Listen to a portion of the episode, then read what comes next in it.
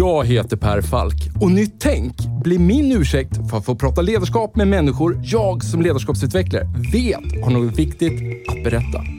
Och med tio avsnitt per säsong, varannan vecka, gräver vi därför ner oss i tekniker, principer och synsätt för att vi ska sätta fingret på vad som kännetecknar det ledarskap vi alla behöver se mer av. Och för att få de här samtalen att hända så har vi sponsorer. Först och främst min arbetsgivare Mindset där jag och mina kollegor tar fram både små och stora ledarskapsprogram som skapar de nya beteenden som behövs för att få er strategi att hända. Allt handlar om att noga identifiera moments that matters. Samt Promote, som är den självklara digitala plattformen för dig som vill skapa effektfulla lärresor och ett mätbart resultat i verksamheten. Och om ni vill ge era nya medarbetare en riktigt bra introduktion med en välkomnande och effektfull onboarding så tycker jag ni ska kontakta superproffsiga Induction. Ni hittar såklart länkar i avsnittsbeskrivningen. Nu hoppar vi in i samtalet och kom ihåg att det här är ett sammandrag av originalversionen. Enjoy!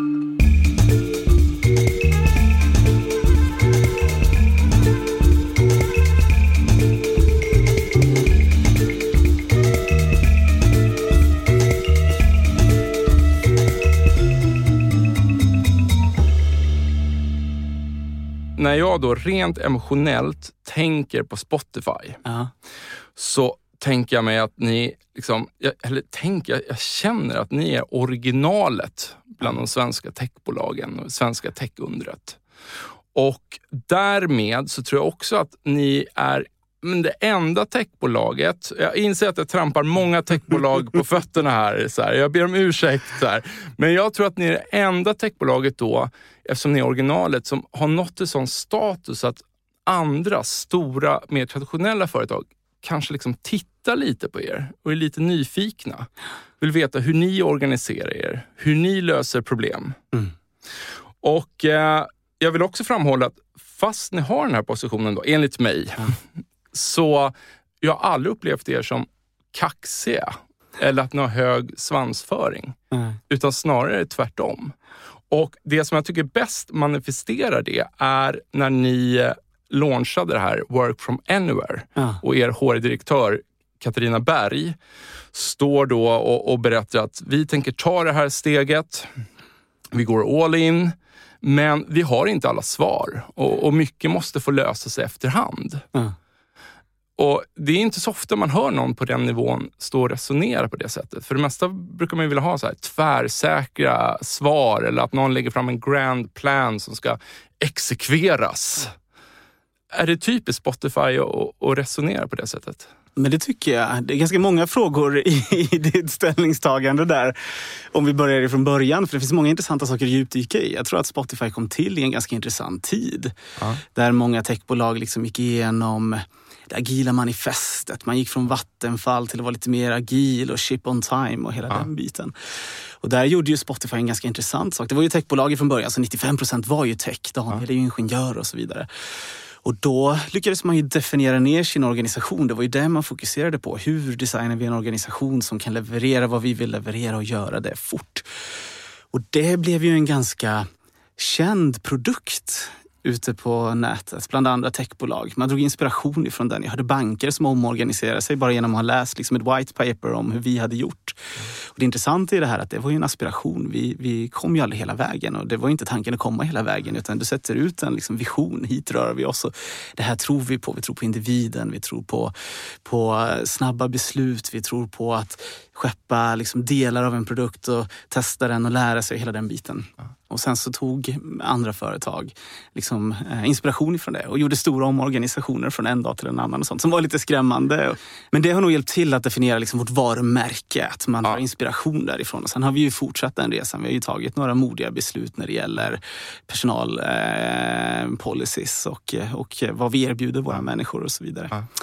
Och sen så tror jag att vi har lyckats med om jag jämför med andra bolag. Och jag säger inte att de inte har lyckats med det, men det jag tycker vi är duktiga på det är att leva samma sak internt som vi kommunicerar externt eh, också. Och vi eh, pratar mycket med vår organisation om att saker behöver inte vara perfekt. Eh, det räcker med om du har 70 procent av informationen du skulle vilja ha när du fattar ett beslut. Men gör någonting och testa och sen så rör dig framåt. Det är viktigare än någonting annat. Och då måste vi ju säga det externt också. Och kan vi överlappa liksom den externa marknadsföringen med den interna kulturen, då bygger vi ett starkt bolag och ett starkt varumärke. Och då får vi rätt människor som kommer till oss också. Och Jag blir så glad när du säger det, för det är precis det jag tänker mig att om en HR-direktör står och säger ja. På det sättet så finns det naturligtvis någon kultur där bakom som, som är liksom uppbyggd och, och van att agera på en riktning Exakt. snarare än en exakt plan. Och då tänkte jag så här, att det här samtalet, jag vill liksom röra mig någonstans i gränszonen här. Dels vill jag ju veta vad, ja. vad,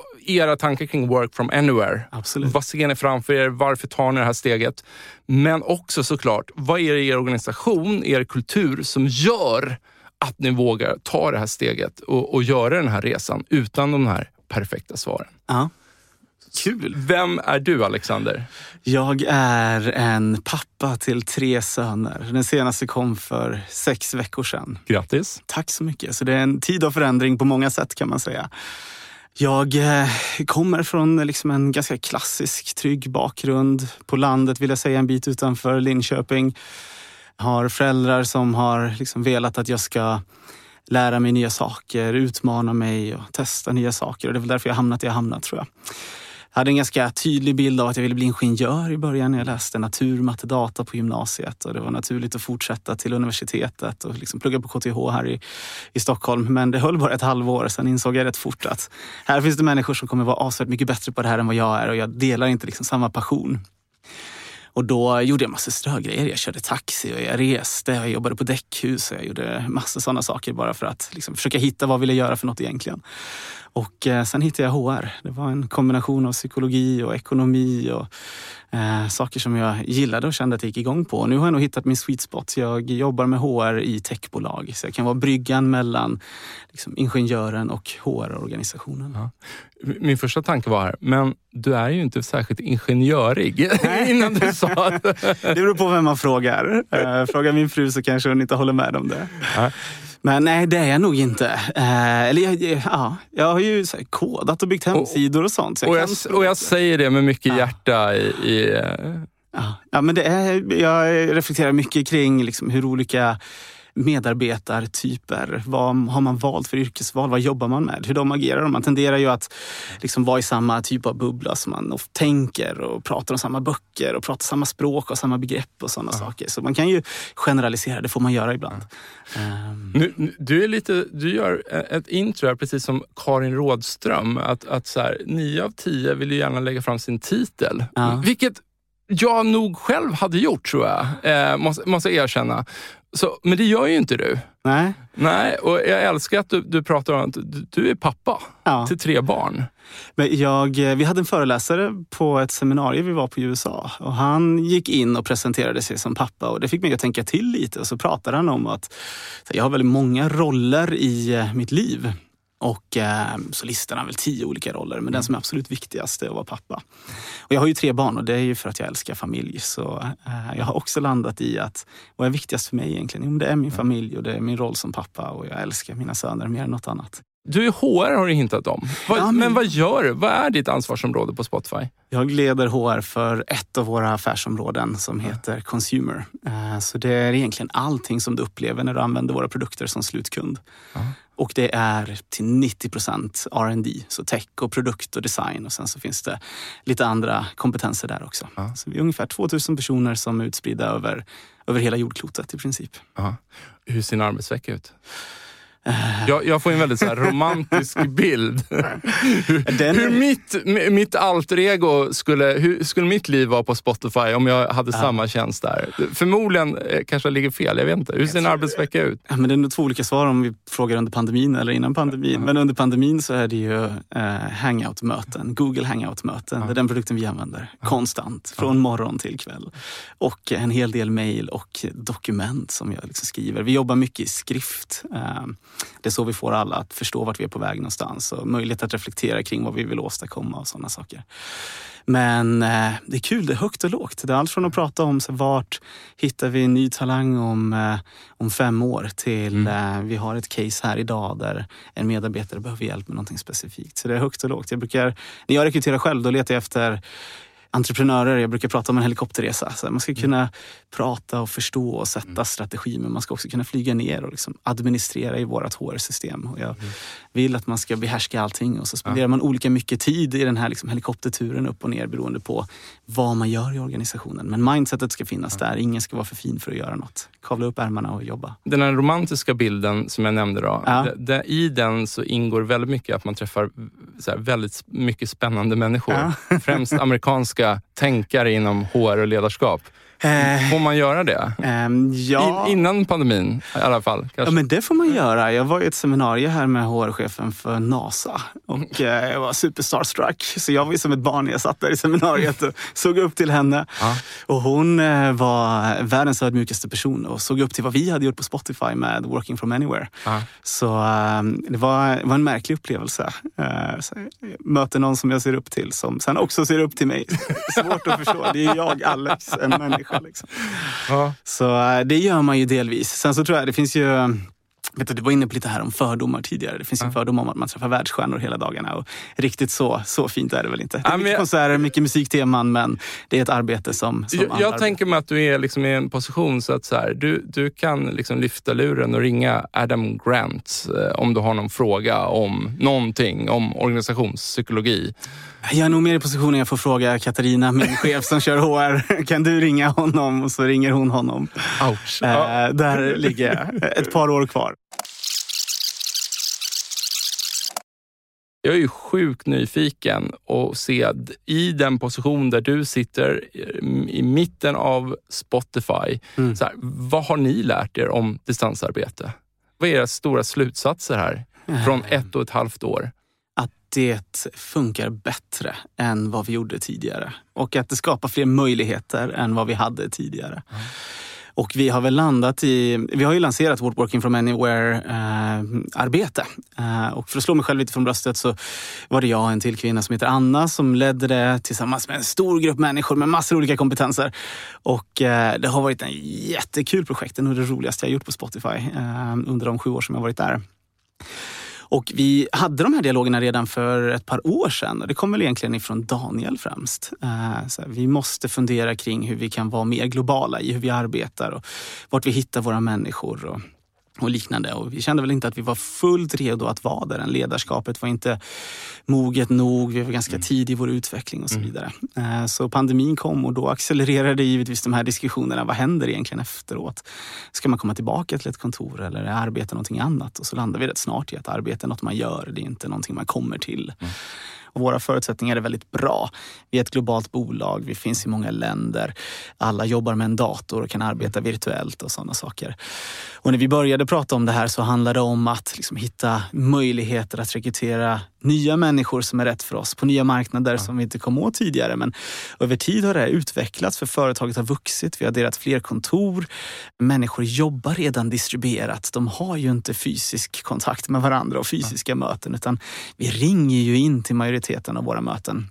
Och då har insikten blivit att men istället för att optimera för det fysiska mötet kan vi inte optimera för det virtuella mötet men tillåta det fysiska mötet. Och genom att optimera för det virtuella mötet då kan vi också skapa bättre sätt att arbeta på tillsammans. Bättre förutsättningar för våra människor och team att samarbeta. Helt plötsligt jobbar vi på samma sätt och det handlar inte om att man ska vara nära en viss person eller nära ett visst projekt eller i en tidszon som är mer relevant än en annan tidszon. Utan eh, vi kommer helt enkelt bli effektivare som bolag om vi kan utveckla sättet vi arbetar på. Alla kan arbeta på samma sätt oavsett var du sitter någonstans. För så ser verkligheten redan ut.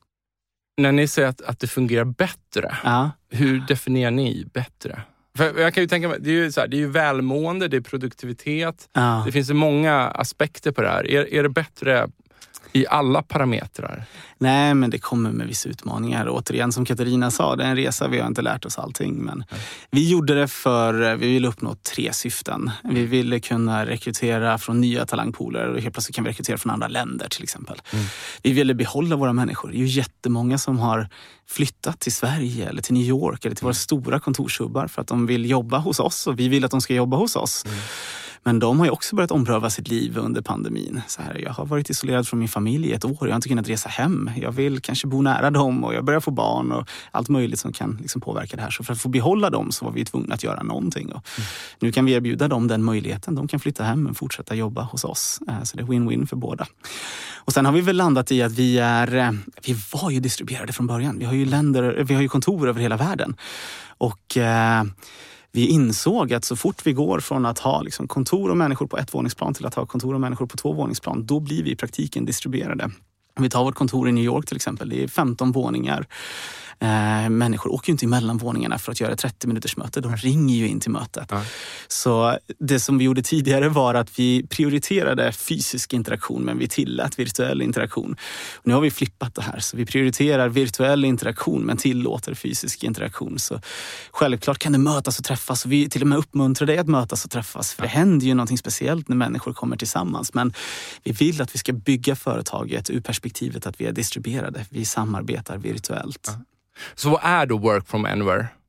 Det är en möjlighet för människor att arbeta där de gör sig bäst, där de är som mest framgångsrika. Uh-huh. Och, eh, vi pratar om flexibilitet ur ett par olika dimensioner. Och, eh, en dimension är ju kontor eller jobba hemma. Och den är ganska given. Självklart bör inte alla komma in till ett kontor mm. varje dag i veckan framöver. Mm. Eh, nästa dimension är så här, geografiskt. Ja, men behöver man vara kopplad till den staden eller det landet man är anställd i? Nej, det behöver man ju inte. Vi kan anställa människor i de länder vi finns registrerade i. Det finns ju vissa skattemässiga eh, implikationer ah, ja. som man måste ta hänsyn till. Men ah. då kan man flytta till alla länder där vi har en entitet, där vi kan betala sociala avgifter och försäkringar och sådana saker. Och sen börjar vi prata om en tredje en dimension som är tid. Så här, mm. men måste jag jobba mm. 8 till 5?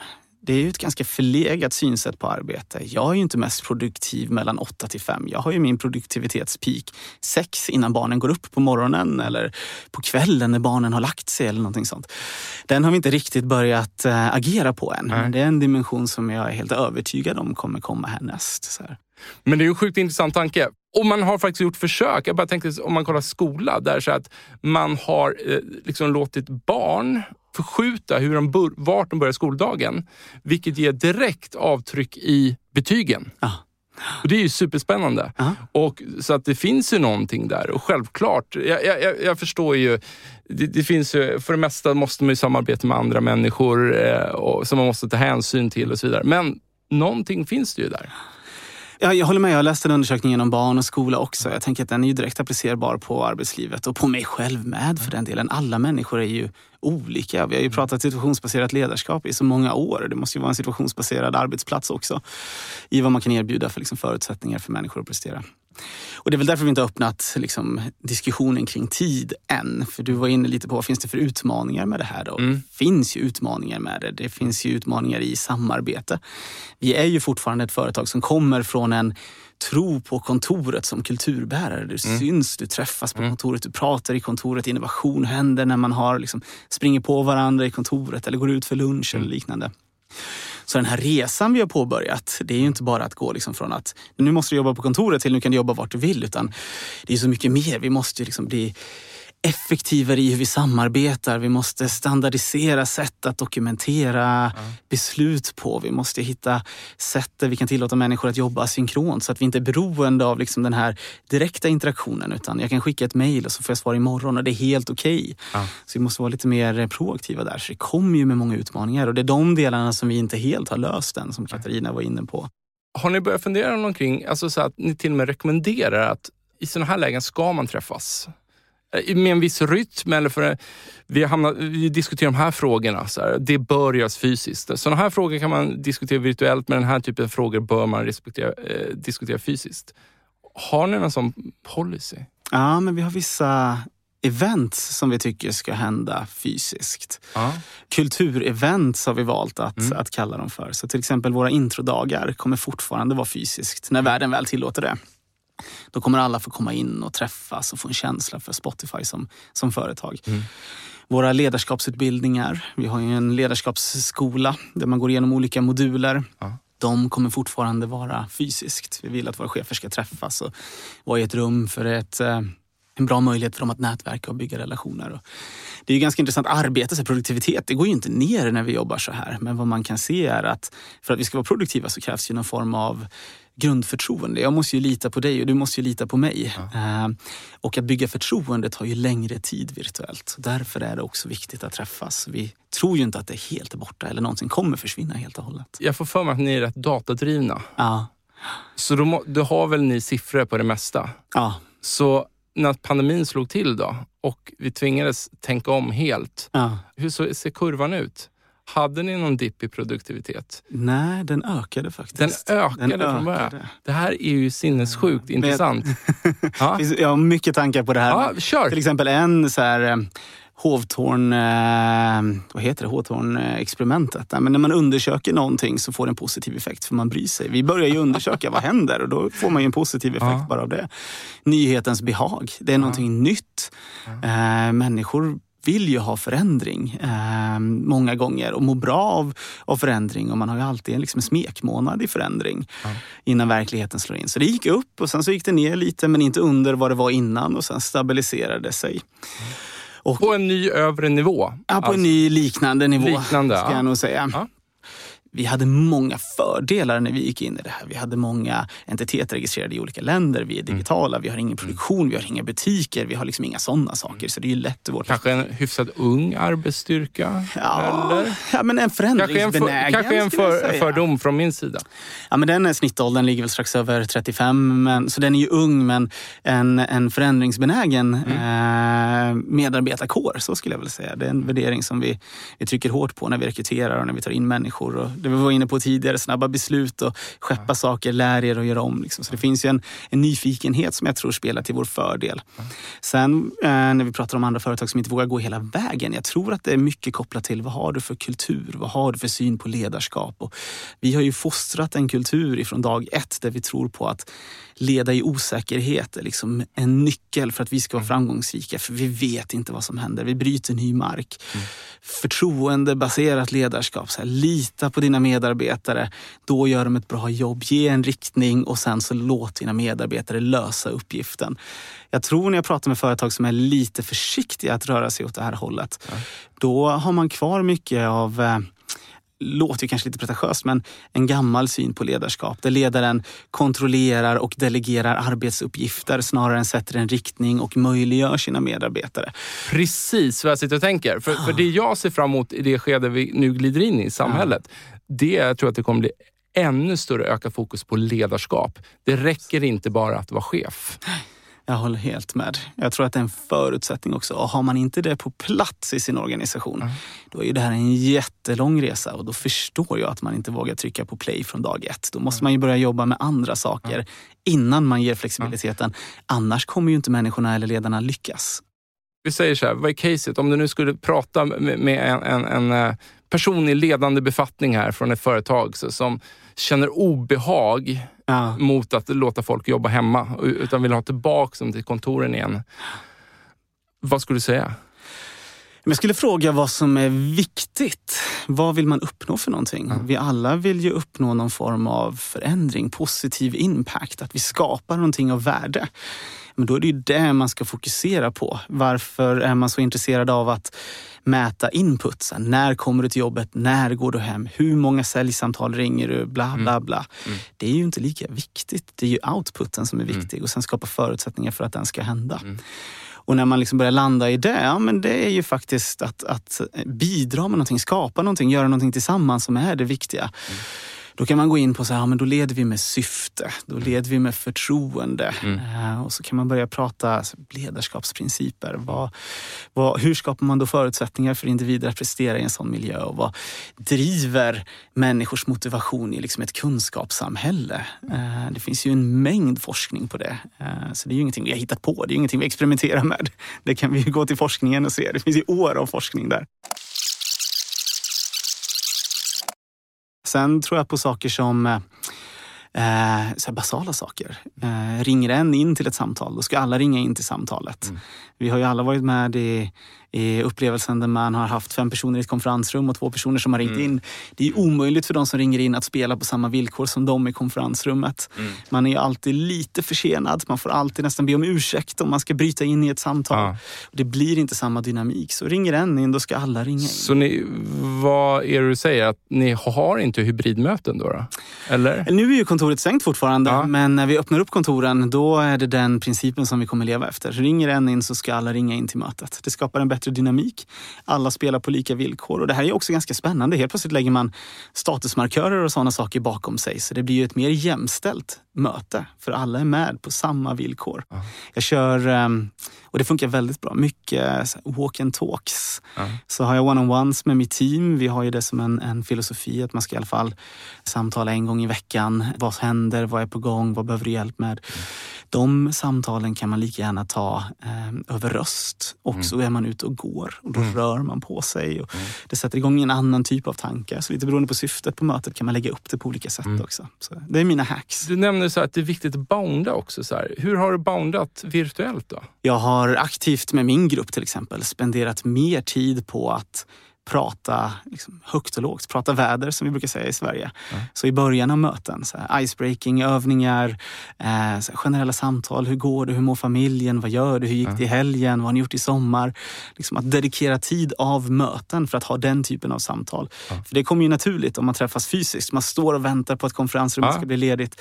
Så att liksom, dedikera tid för den typen av samtal, det är viktigt. Det ska man inte glömma jag blir så glad när du säger så att, um, om det var nu så jag förstod dig här, att, så här, att ni kanske ska då se upp med just hybridmötena mm. framöver. För min största farhåga, det är att de då som kanske är lite mer på kontoret än andra får någon fördel i organisationen. Ah för att man bara knyter en närmare relation till dem. Eller de knyter en närmare relation till varandra. Ja. Och att, att det är utslag i allt från promotions till lönesättning till hur man fördelar uppgifter. Mm. Är det någonting ni har eh, pratat om? Alltså, allt det här är ju hinder som potentiellt skulle kunna uppstå i en organisation. Ja. Jag tror det är en reell risk och någonting man måste se upp med som arbetsgivare. Vi har ju fördelen att vi har varit distribuerade innan för vi har haft människor på så många olika kontor. Som jag till exempel, mitt team har aldrig varit, på, aldrig varit anställda till samma kontor. Vi träffas ju på samma kontor ja. men aldrig varit anställda på samma kontor. Ja. Så vi kunde ju titta på vår egen data. Så här, historiskt sett har man haft större sannolikhet att bli befordrad om man har varit på samma kontor som sin chef kontra om man har varit på ett annat kontor. Och det fanns ingen, eh, inget samband där, vilket är en fördel för oss. Så då kan vi ta bort den risken till stor del ja. i alla fall. Så vi har diskuterat de frågorna. Sjukt intressant ändå att ni har den datan och kan genast kolla upp det. Verkligen. Ja. Och, eh, All cred man, till er. Ja. Ska man dra det lite längre sen, helt plötsligt så kommer du in i ett diversity-perspektiv här också. Det finns ganska tydliga indikationer på att till exempel kvinnor till större utsträckning kommer arbeta hemifrån för att eh, det finns en annan känsla för så, dubbelarbete traditionellt, ja. att man har spenderat mer tid i hemmet och hela den biten. Alla problem som vi kämpar med idag för att skapa ett jämställt samhälle. Att det liksom skulle förstärkas eller vi skulle falla tillbaka lite i, i, i de problemen där vi ändå har gjort vissa framsteg. Så det skulle kunna slå mot, mot um, jämställdheten på en arbetsplats också. Så ja. jag tror att man definitivt ska se upp för det som företag när man börjar röra sig i den här riktningen. Men det som är viktigt i det fallet är att ha en otroligt standardiserad rekryteringsprocess. Mm. Så att man skapar lika möjligheter för alla att faktiskt få ett arbete. Mm. Ingen svågerpolitik, inget mm. så anställa genom kontakter. Utan det finns en väldigt tydlig process som vi följer hela tiden.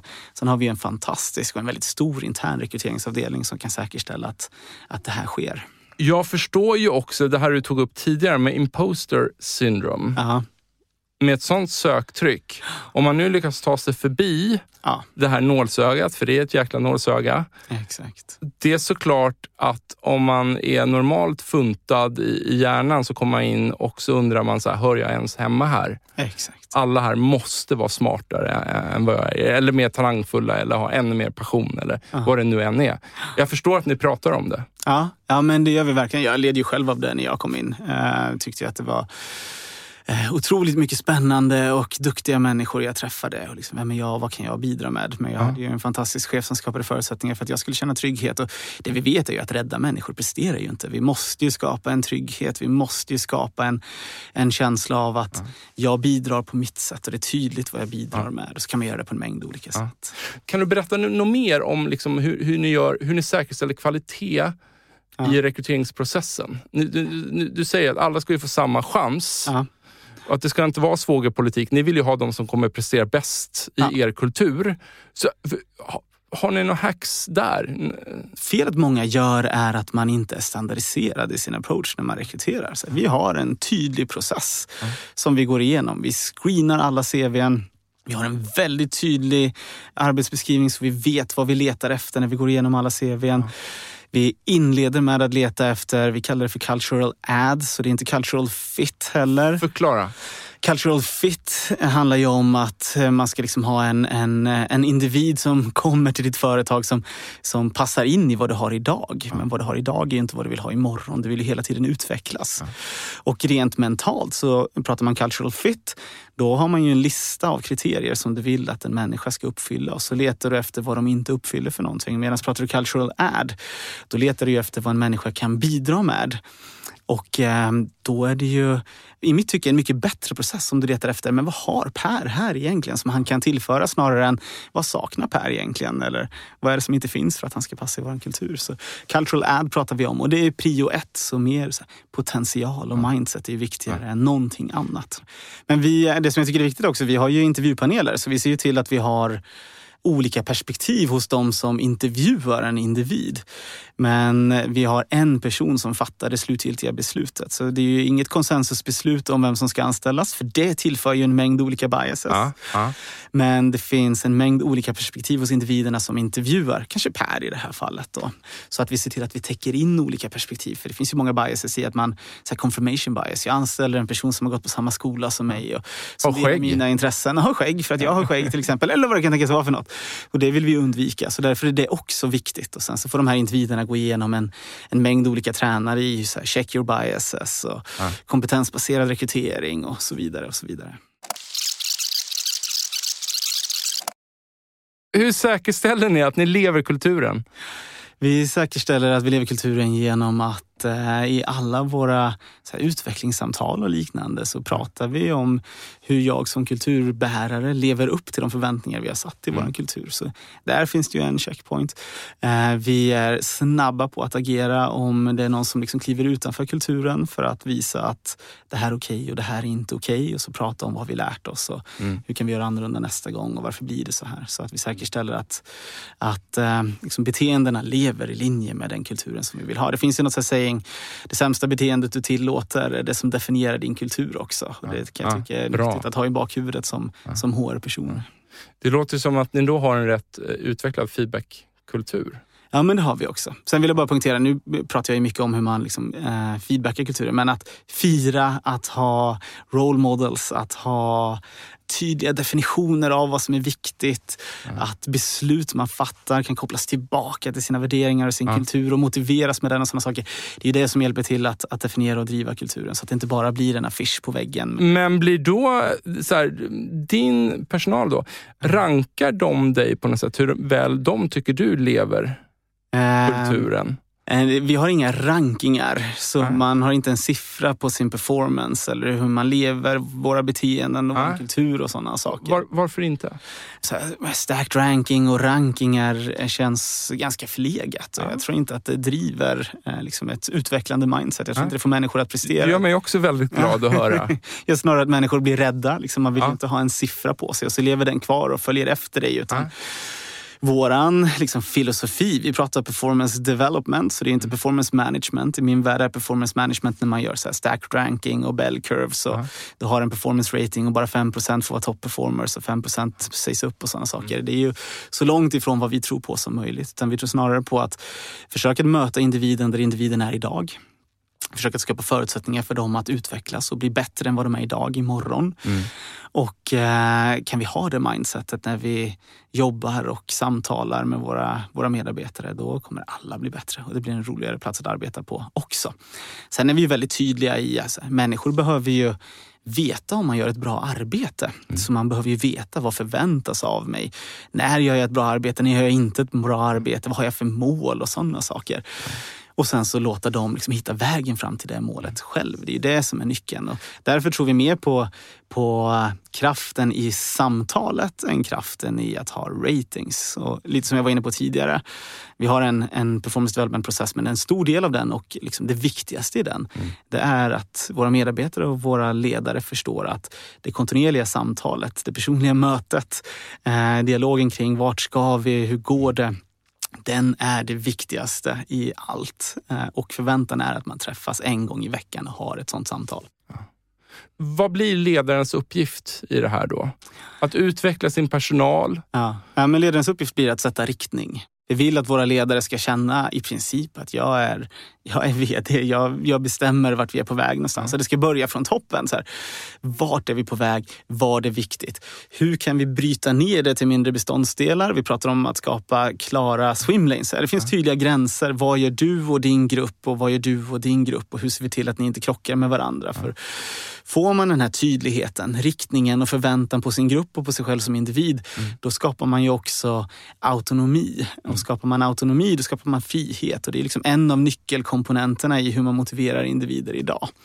Så det är väldigt viktigt och då blir chefens roll att skapa de förutsättningarna och individens roll blir att, att uh, driva impact i linje med det. Och sen säger vi till våra medarbetare som kommer till oss att du äger din egna utveckling. Det är upp till dig vart du vill och hur långt du vill komma.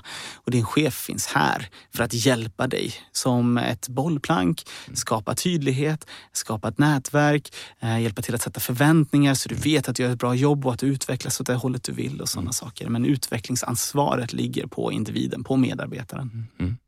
Mycket av budskapen handlar ju om vikten av att utveckla människor, att de ska känna absolut förtroende, att, mm. att företaget vill dem väl och att de vill att individerna ska lyckas och så vidare. Om vi bara tittar på dig, så här, det behöver inte handla om, om Spotify, utan vi bara tittar liksom din karriär som, som ledare. Mm. Vad har liksom behövt komma på plats hos dig och som du har liksom förstått efterhand? Uh, men jag... Jag har varit ganska sen i min utveckling skulle jag säga. Jag var ung länge innan jag liksom mognade till. Och eh, det som min stora läroresa, om jag ser på mitt ledarskap, har varit att eh, inte vara så fokuserad på, på liksom prestation och på att göra saker och på att, att hela tiden flytta sig framåt. Utan att snarare se på en grupp som ett system som måste fungera tillsammans för att då skapar, mm. man, liksom, då skapar man framgång, då skapar man förutsättningar. Mm. Och det tror jag är en ganska klassisk liksom, ledarskapsmiss man går igenom. Att jag vill fortsätta vara en individual contributor. Jag vill fortsätta prestera och leverera. Mm. Och man har svårt att liksom hitta balansen i hur, hur sätter man teamet först och förutsättningar för teamet att prestera. Mm. Så det kom ganska sent för mig, ska jag vara villig att erkänna. Eh, jag var nog där mentalt, men rent liksom i verkligen så var jag inte där förrän, förrän lite senare. Du hade en teoretisk förståelse, men inte emotionell. jag följde inte med i beteendet. Ja, jag måste säga så här, bara ge dig cred för modigt att uttrycka dig på det sättet. Ja. Att jag var lite sen i min utveckling. Jävligt modigt. Ja, och, och vittnar på, på liksom lite djup i resonemangen. Du känns som en väldigt grundad kille. Okej. Okay. det tar som en komplimang. Att det, det man ser är eh, liksom det, det riktiga Alex här. Men jag hoppas det. Eh, för jag tycker att, om jag bara sätter det ur ett HR-perspektiv, så här, för att företag ska vara trovärdiga så måste de ju vara genuina. Och man måste ju stå för vad man tycker och tänker och säger. Och jag tror att det gäller för ledarskapet i ett företag, jag tror att det gäller för individer i ett företag. Jag tänker att det gäller för mig själv. Ska jag bygga förtroende så, så måste jag leva som jag lär och vara ärlig med vad jag tycker och tänker. Sen har jag inte rätt i alla lägen. Men... Er kultur verkar väldigt så här, den känns väldigt närvarande i toppen på organisationen också. Ja. För det tycker jag heller inte alltid är en självklarhet. Det vill säga att man, man kan till och med kanske jobba rätt hårt med en kultur. Men kulturen finns på ett lager i organisationen. Och när man kommer upp till den absoluta toppen så är det som att, nej men, så här, vår, nej men att, jag vet inte, att det är som att nej men, vi är för fina för att förhålla oss till de här ledarskapsprinciperna. Eller vår eh, verklighet är så komplex så vi, vi måste göra avsteg från det. Mm. Eller liknande. Och det blir ohållbart, för det här kommer ju genast ses underifrån. Ah. Det är helt rätt och jag har sett samma exempel också som du pratar om. I vårt fall så tror jag att, eller jag vet att det kommer ifrån Daniel. Jag minns väldigt väl när jag började på Spotify. Då stod han på introdagarna och det han sa var tack för att ni har valt att arbeta på Spotify. Tillsammans kommer vi göra stordåd. Och bara ha en vd stå och säga det till sin personal. Jag är tacksam för att du är här, tycker jag är rätt häftigt och det sätter någonstans tonen för vilken kultur man vill åstadkomma. Sen har han varit väldigt tydlig i alla situationer jag sett honom i, hört honom tala i, att, att människor kommer först. Utan människor är vi ingenting, utan våra människor är vi ingenting. Och det är lite den här klassiska people product process. Du måste ha allting på plats för att kunna vara framgångsrik som företag, men people kommer först. Du är ingenting utan dem. Ja. Och sen eh, tar jag tillfället i akt och, och fjäskar lite för min chef också. Katarina är ju den skickligaste kulturbyggaren jag har stött på. Det är ju eh, en inspiration att få jobba nära henne. Och har man en sån vd och en sån HR-chef för ett företag, då sitter kulturen genom hela organisationen. Jag tycker vi vi avslutar med fjäsket och ja, låter det, det vara bra. avslutande orden. Alltså, jag, så här, stort tack för att du tog dig tid. Tack så mycket Per. Hörni, tack till våra sponsorer Mindset, Promote samt Induction för att ni tror på den här produktionen. Ta hand om er.